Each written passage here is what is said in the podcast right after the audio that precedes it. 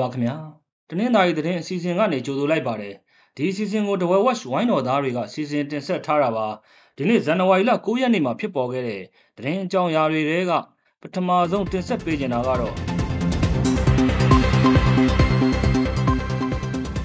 လူကြီးစင်းကောက်ရမှာလုံခြုံရေးလိုက်နေတဲ့စစ်ကောင်စီတပ်ဖွဲ့ဝင်တဦးပြစ်တက်ခံရတဲ့အကြောင်းဖြစ်ပါတယ်စစ်ကောင်စီကရွေးကောက်ပွဲကျင်းပနိုင်ဖို့အတွက်လူကြီးစင်းတွေလိုက်လံကောက်ယူနေပါတယ် လူဦးရေစင်းကောက်ယူမှုစတင်တဲ့ဒီနေ့မှာပဲစင်းလိုက်ကောက်တဲ့အဖွဲ့လောင်းလုံးမျိုးနယ်မှာပြစ်ခတ်ခံလိုက်ရပါတယ်။ကမျောကင်းရွာမှာပြစ်ခတ်ခံရတာဖြစ်ပြီး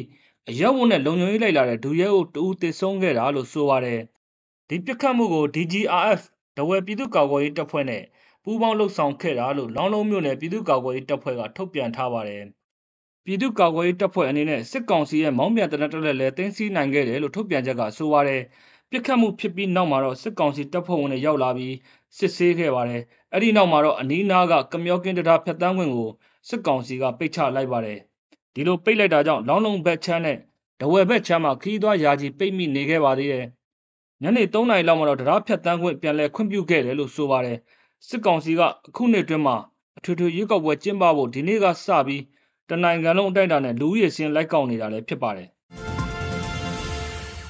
တနင်္သာရီတိုင်းမှာမီးရှို့ခံရတဲ့နေအိမ်200နီးပါးရှိလာတဲ့အကြောင်းဆက်ပြောပြသွားပါမယ်။2021စက်တင်ဘာလကနေ2022နှစ်ကုန်အထိ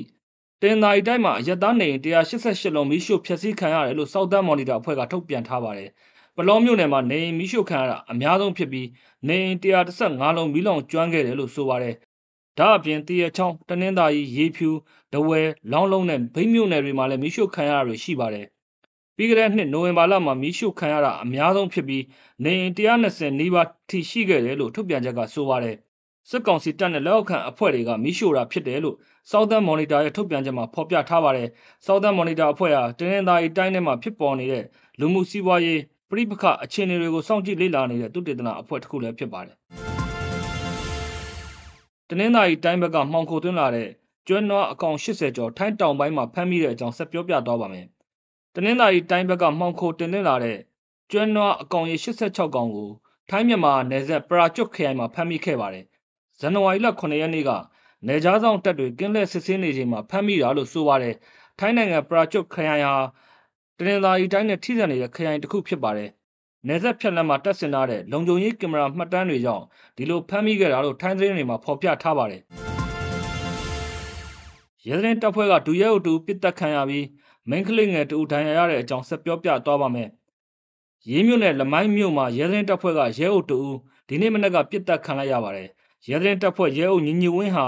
ဆိုင်ကယ်နဲ့တွားနေချိန်မှာတနက်သမားနှစ်ဦးကဆိုင်ကယ်နဲ့လာပစ်သွားတာလို့ဆိုပါတယ်။အဲ့ဒီဖြစ်စဉ်မှာရဲအုပ်ဟာနေရာမှာပဲပွဲချင်းပြီးတေဆုံးသွားသလို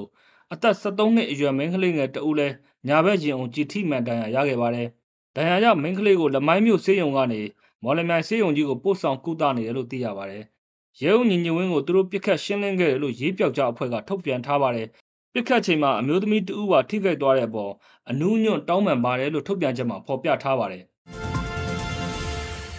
ရိုဟင်ဂျာတွေအပါအဝင်မြန်မာလူသား80ကျော်ထိုင်းနိုင်ငံမဲဆောက်မှာအဖမ်းခံရတဲ့အကြောင်းဆက်ပြောပြသွားပါမယ်။မဲဆောက်ဒေသကိုတရားမဝင်နယ်စပ်ဖြတ်ကျော်ဝင်လာတဲ့ရိုဟင်ဂျာ60နဲ့မြန်မာအလူသမား17ဦးကိုဖမ်းဆီးခဲ့တယ်လို့ထိုင်းသတင်းတွေမှာဖော်ပြပါတယ်။မဲဆောက်ဒေသကကြံတော်ထဲမှာပုံနေတဲ့ရိုဟင်ဂျာတွေနဲ့အတူ မြန်မာအလုပ်သမားတွေကိုဇန်နဝါရီလ9ရက်နေ့ကဖမ်းဆီးခဲ့တာလို့ဆိုပါတယ်။ဖမ်းမိသူအားလုံးမှာခရီးသွားအထောက်အထားနဲ့နိုင်ငံကူးလက်မှတ်မရှိတာကြောင့်ဥပဒေအရရေးယူသွားမယ်လို့သတင်းတွေမှာဖော်ပြထားပါတယ်။